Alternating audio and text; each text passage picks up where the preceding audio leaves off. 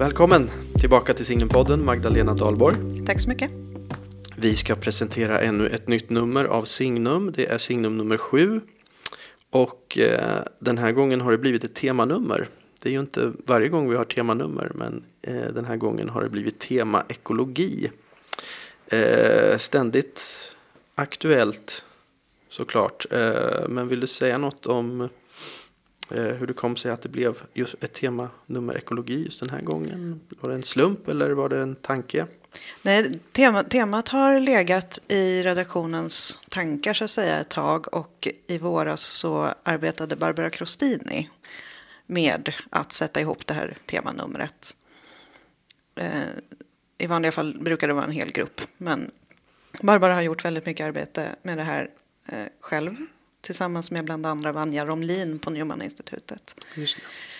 Och det är ju ett ständigt aktuellt tema som liksom också blir stadigt mer och mer aktuellt kan man Mm, säga. mm. Eh, Vi fick ju 2015 den här encyklikan Lauda, eh, Laudato Si, alltså lovad vare du.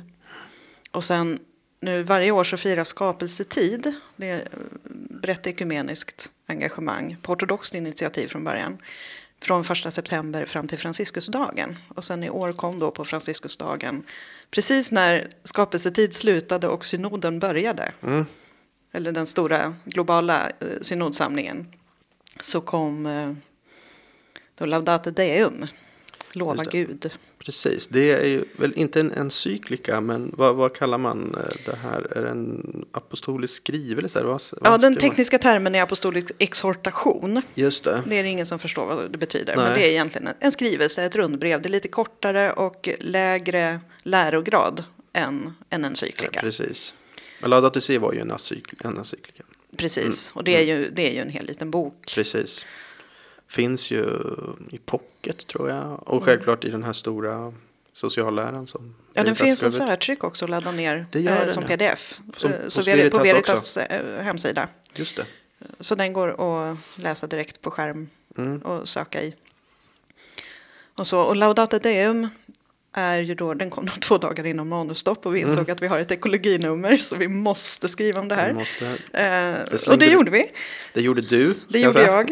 Ja, Eh, snyggt gjort.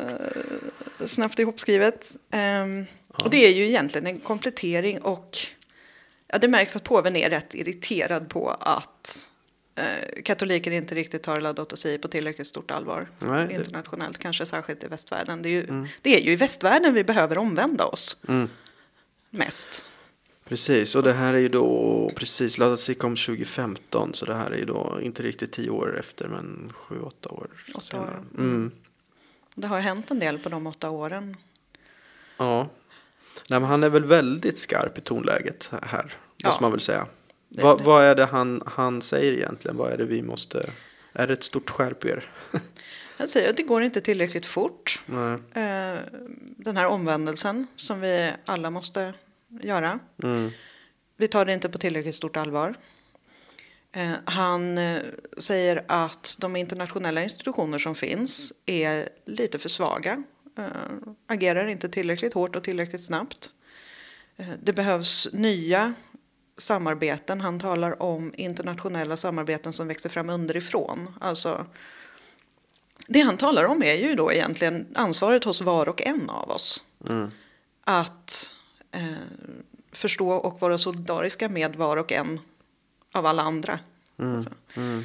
eh, att det är där det måste växa fram för att få hållbara internationella samarbeten som faktiskt kan göra skillnad. Tar han inte också upp det här som, som är eh, kanske är känsligt för en del men ha- han skriver väl också att det är nog så att de fria marknadskrafterna faktiskt inte eh, har, ska man säga, till, tillräckliga resurser för att få till en förändring. Alltså det finns ju en, en slags kapitalistkritik i grunden här.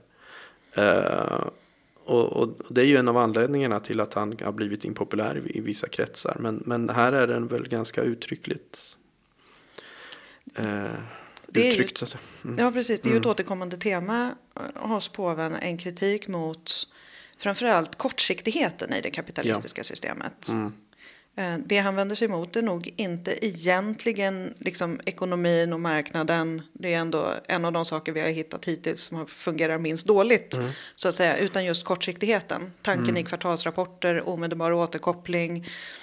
Eh, att det inte handlar om att odla långsiktigt. Nej. Och där går han väl, är han väl helt i linje med eh, socialläran i stort, måste man säga. Jag, jag tänker på eh, Johannes Paulus den andre, som, eh, nu kommer jag inte ihåg vad den encyklikan heter, men som kom precis efter murens fall, där han gör en distinktion mellan kapitalism och marknadsekonomi. Då han liksom, där kapitalism är då den, kanske den negativa sidan utav det, alltså kanske den här kortsiktigheten just. Eh, och, och en liksom, där det inte finns några moraliska eller liksom så restriktioner kring det. Eh, så att säga liksom ja till marknadsekonomi men nej till en helt liksom, regellös, tygellös kapitalism. Och, så. och är det inte egentligen det som Franciscus också gör? Jo, det här går ju tillbaka till sociallärans början i slutet av 1800-talet. Visst, visst. Eh, Att, att eh, handel är all ära, men det får inte innebära eh, kortsiktighet. Det får inte vara frikopplat från faktiskt arbete. Alltså, skapandet av pengar får inte vara frikopplat från faktisk mänsklig, mänskligt skapande. Och det får aldrig innebära att människor bara blir kuggar i maskineri, utan det måste vara mänskligt skapande det handlar om. Mm, mm. Eh, inte maskiner, inte utnyttjande av människor som arbetskraft. Nej. Utan gemensamt arbete för det gemensamma goda. Visst. Eh, Sen återkommer man väl också till, eh, som, som, som också är ett tema som går igenom flera av de andra ekologitexterna vi har i numret. Alltså att det stora problemet här handlar om makt. Alltså hur vi förhåller oss till naturen. Alltså att vi ser på naturen och vår omvärld som liksom resurser som vi kan utnyttja eller liksom få någonting ut ur. Och att liksom den, den maktaspekten är grundproblemet. Precis, han, han säger att vi måste, vi måste tänka om när det gäller mänsklig makt. Och komma ihåg att den slutgiltiga makten är hos Gud. Att vi har att förvalta, inte att styra över. Är- Och kanske ännu mer än så, alltså det här med förvalta kan ibland också till och med hamna lite fel tänker jag. Jag kommer ihåg att jag jag gjorde ett, eh, eh, pratade med Peter Halldorf om det här i podden. När han var aktuell med en bok om ekologi och teologi. Och då vände han sig lite mot det här förvaltartanken. Han sa nej men det är något ännu mer. Det är att, att människan är skapelsens präst. Det är något ännu större. Och, och det, det är ju faktiskt vad Laudato också handlar om. Alltså, han hamnar ju i slutet att det handlar om dyrkan. Om alltså hur vi, alltså att lovprisning så att säga. Eh, och kopplar ihop det med liturgin och så vidare. Så det här med, eh, med liksom förvaltarskap är liksom att säga nästan för lite. Eh, vi behöver nästan något större vision utav det. Det, det tycker jag har- bra kopplat till den eh, text som syster Ingrid har skrivit, som är väldigt vacker. Eh, där hon beskriver hur man i klostret ska förhålla sig till saker. Varje föremål i klostret ska behandlas som ett altarkärl. Varje Ja, verkligen. ting är uttryck för eh, lovprisning. Jo men det är ju verkligen precis, för, för där kommer man in till kärnan utav den på något sätt. Vad, vad är den kristna blicken på, vä- på världen? Där liksom all materia är i någon mening eh, liksom en grogrund eller material för sakrament. Ja, Liksom. precis så. Så, så är det ju. Och det, och det är väl någonstans kyrkans ekologiska grundhållning. Eller Ja. det är dit vi borde komma i vårt sätt att tänka om våra vardagsföremål.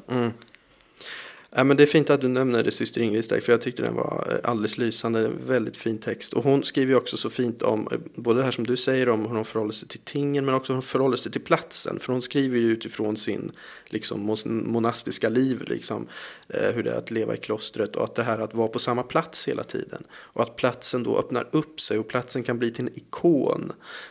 Hon skriver det väldigt fint, liksom, den här vidgade blicken på världen där man eftersom man liksom förhåller sig till samma plats hela tiden. Eh, det är väldigt fin text. Den, Ja, och det är ju både, både tidsmässigt och geografiskt. Hon beskriver dels hur ekarna som växer där runt klostret på Omberg eh, ger en kontakt med... De, de har stått där under 30-åriga kriget. just det. Ja, Det, det är ganska hisnande. ja, Eh, man vet inte riktigt hur gamla de är. De kanske rent av stod där under reformationen. Det vet vi liksom inte riktigt. Men, men de, de har stått där under väldigt lång tid. Eh, och upplevt generation efter generation efter generation som har bebott den här platsen. Så de som bor där nu förvaltar ju Mm, en historia som egentligen bara träden och jorden har kvar på något sätt. visst. Samtidigt så är klostret också en plats dit hela världen kommer. Systrarna är för det mesta kvar på samma ställe. De reser ju inte runt särskilt mycket. Ehm, Men andra kommer dit, så världen strömmar genom klostret. Mm. Det- Ja, jo men precis.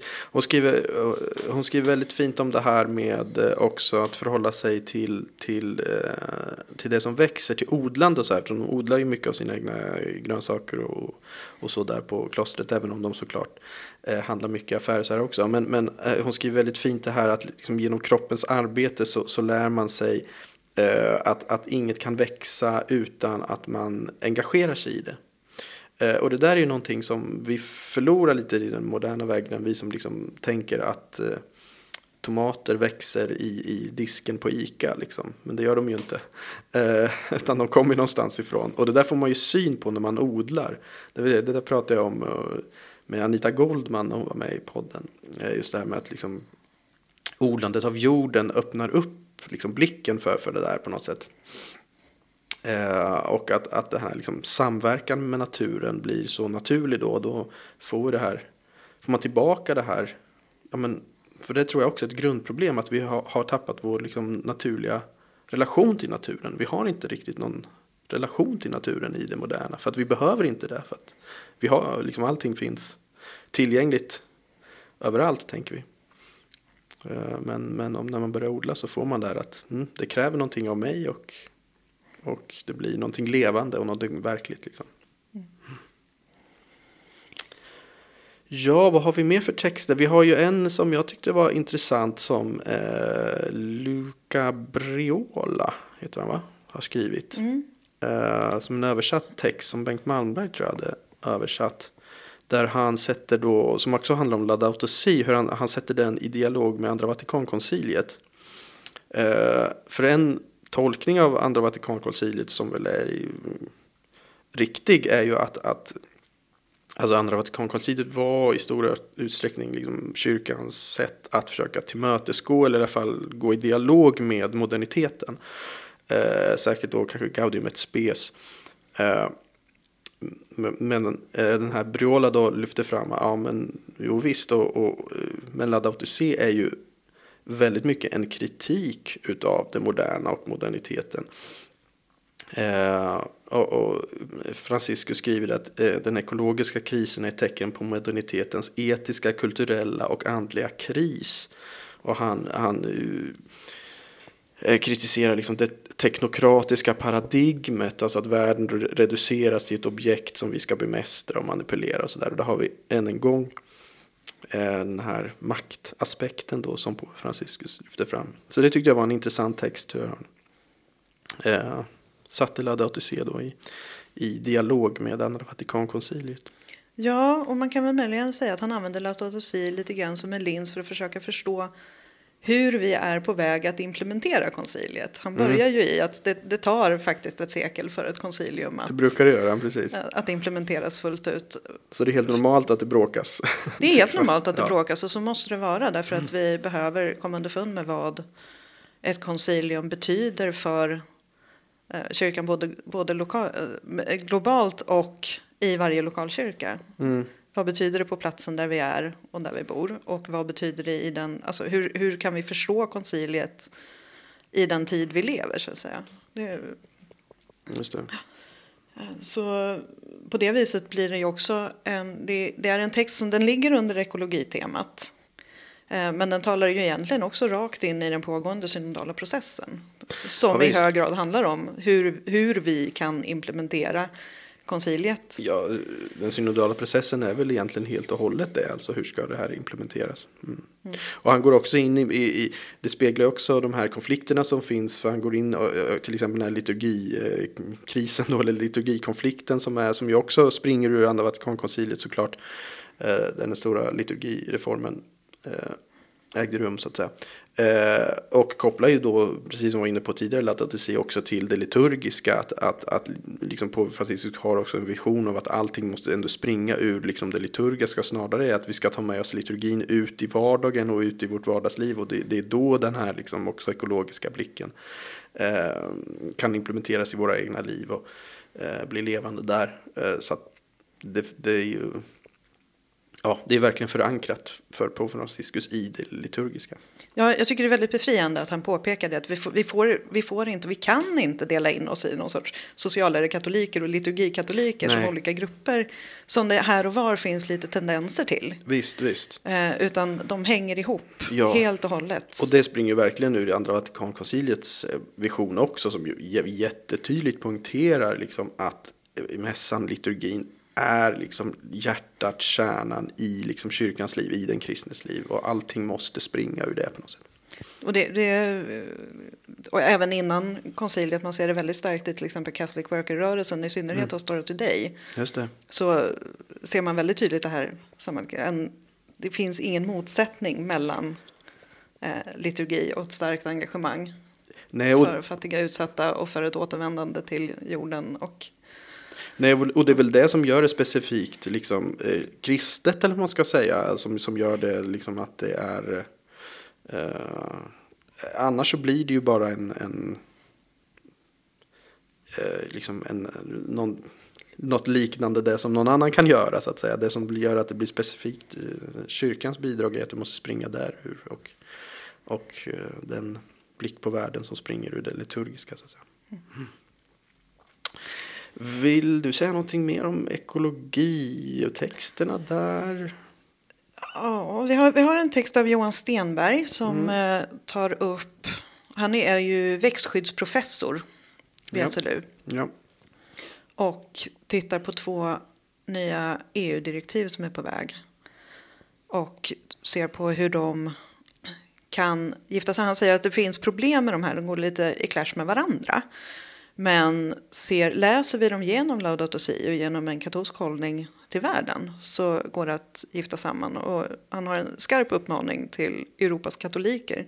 Han säger att om Europas 250 miljoner katoliker faktiskt åt ärtsoppa på onsdagar och vegetariskt eller fisk på fredagar och sparade steken till söndagar då skulle miljöproblemen vara lösta. Ah, tänk, det... tänk, tänk, så lätt det är egentligen. Tänk så lätt det skulle vara om vi bara mm. gjorde, levde som vi lärde mm. fullt ut. Men där har vi också eh, hela mänsklighetens problem i alla tider. Det, det är nog så, ja. koncentrerat i en ganska kort och eh, teknisk text, mm. dock intressant. Eh, sen har vi också en lite längre och mer akademisk text om eh, interreligiösa perspektiv på miljöfrågan och hur mm samhälle och religion samspelar. Och då, den går då igenom flera av världsreligionerna. Så vad, vad, har, vad har egentligen sagts mm. om miljö och klimatfrågor från olika håll? Inte bara Laudato Si då, utan också muslimska, och buddhistiska, och hinduiska och judiska initiativ. Mm. I relation till, eh, till klimatförändringar och eh, miljövård. Just det. Skapelsevård kan man väl säga. Mm. Andra saker som hänt, du har varit på bokmässan. Ja, ja men precis. Jag har en liten text om det. Den är väldigt, eh, eh Kjell Blyckert här som sitter i redaktionen, alltså, så han blev så upplyft, den var så positiv. Den var så, liksom, ja det var det. Jag försöker, jag försöker väl ta vara på det, liksom, eh, det som var bra på bokmässan. Nej, men jag, eh, rubriken där är en postsekulär bokmässa i mångfaldens tecken. Alltså det, det, det var ju tema judisk kultur i år. Eh, så det var ju väl ganska naturligt att det fanns eh, liksom ett religiöst anslag. anslag sådär. Men, och sen skrev jag också om såklart den katolska närvaron där på bokmässan som var lite extra utbyggd i år för att Veritas och, och stiftet och katolsk bokhandel är ju alltid där i en slags gemensam monter. Men i, i år så hade de eh, anordnat samtal där och så också som gick väldigt bra och eh, kardinal Anders var där bland annat. Eh, sen tycker jag man märker av den här muslimska närvaron också tydligare. Eh, som det finns flera montrar med, med, eh, eh, med muslimska olika muslimska föreningar och sådär som, som är där. Eh, så jag blev ganska upplyft av det där. Och Svenska kyrkan är ju en jättestor har ju alltid varit en, en av de stora eh, arrangörerna där som, som har flera sin Se människan-scen som är en av de mest eh, väl, välbesökta. Så jag tyckte det var, var, liksom, ja, det, var det här liksom postsekulariteten har nått bokmässan på något sätt. Eh, så att jag blev lite upplyft av det där. Jag har skrivit en rapport där. Jag tänkte, det var en kort text men det var en ganska stor spaning. ja, ja. säga. ja, men det, det, var, det, det är någonting som har hänt också. Det, man märker det också liksom. Mm, eh, inte bara på att det var på olika seminarier. Utan man märker det liksom, du vet också så där i baren på kvällarna. Att det liksom, det, alla vill prata religion och andlighet plötsligt. Det är någonting med det där. Det, Jättespännande. ja. Ja, eh, är det några fler texter vi ska nämna? Vi, kan väl säga, vi, har, vi har två texter om Kina och situationen där. Mm. Eh, Fredrik Fällman som är synolog i Göteborg har skrivit om hur det har utvecklats religionspolitiken i Kina. För det, finns ju, det kommer ju liksom hela tiden varningssignaler om att det blir eh, tuffare och svårare. Mm. Och i ljuset av den artikeln är det intressant att läsa Antonio Spadaros intervju med eh, eh, nyblivna, eh, nykreerade, ska man säga, kardinalen Stephen Chow eh, i Hongkong.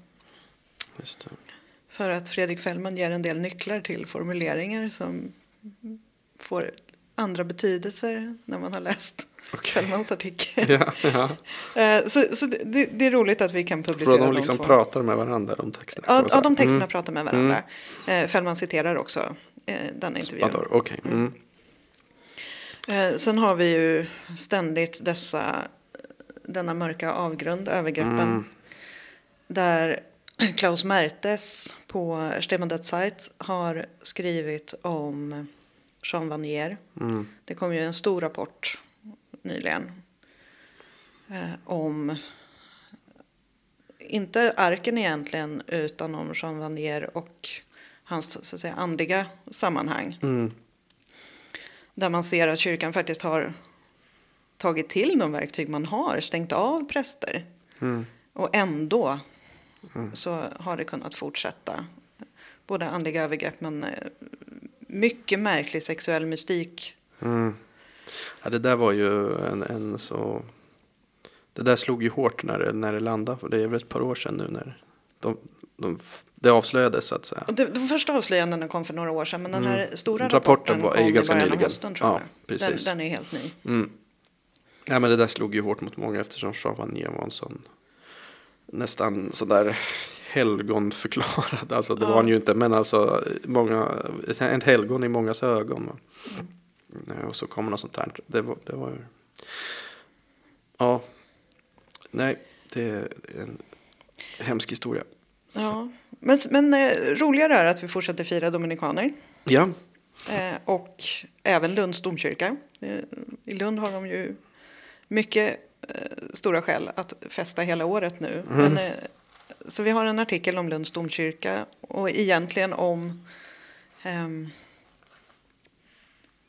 hur man, alltså li- lite grann vad som skett bakom firandet, planeringarna, eh, böckerna som ges ut. En del har redan kommit, andra kommer kanske först nästa år. Eh, Sen har syster Katrin Omell skrivit, hon har skrivit en artikel i två delar. Så att vi har en artikel nu och en artikel som kommer i nästa nummer. Om den kommunitet som har sin fasta punkt kan man väl säga i Stockholm. Men som också har funnits i Karlstad och på Berget och på Marielund. Mm, där hon själv är. Precis. precis. befinner Och det, det är ju i mångt och mycket ehm, från och relaterat till boken som hon har skrivit om Mm. Det. i Sverige. Ja men fint. Det är ju ett eh, som vanligt fullmatat nummer. Tema ekologi men eh, lite Kina och, och eh, Lunds domkyrka och dominikaner och sånt där. Och som vanligt bokrevy. Så att det finns mycket att läsa. Det finns mycket att läsa Ja, som vanligt. och- Det är ett extra tjockt nummer som vanligt höll jag på att säga. Ja precis, alltid extra mycket. Den här kommer landa som papperstidning hos eh, prenumeranterna. Men det går ju att läsa digitalt via hemsidan eller via Signums app. Ska vi väl också göra lite reklam för. Eh, ja, jag säger tack så mycket Magdalena Dahlborg. Tack för att du gästade Signumpodden. Och eh, tack alla ni som har lyssnat och lyssna gärna på oss igen i nästa avsnitt. Hej så länge.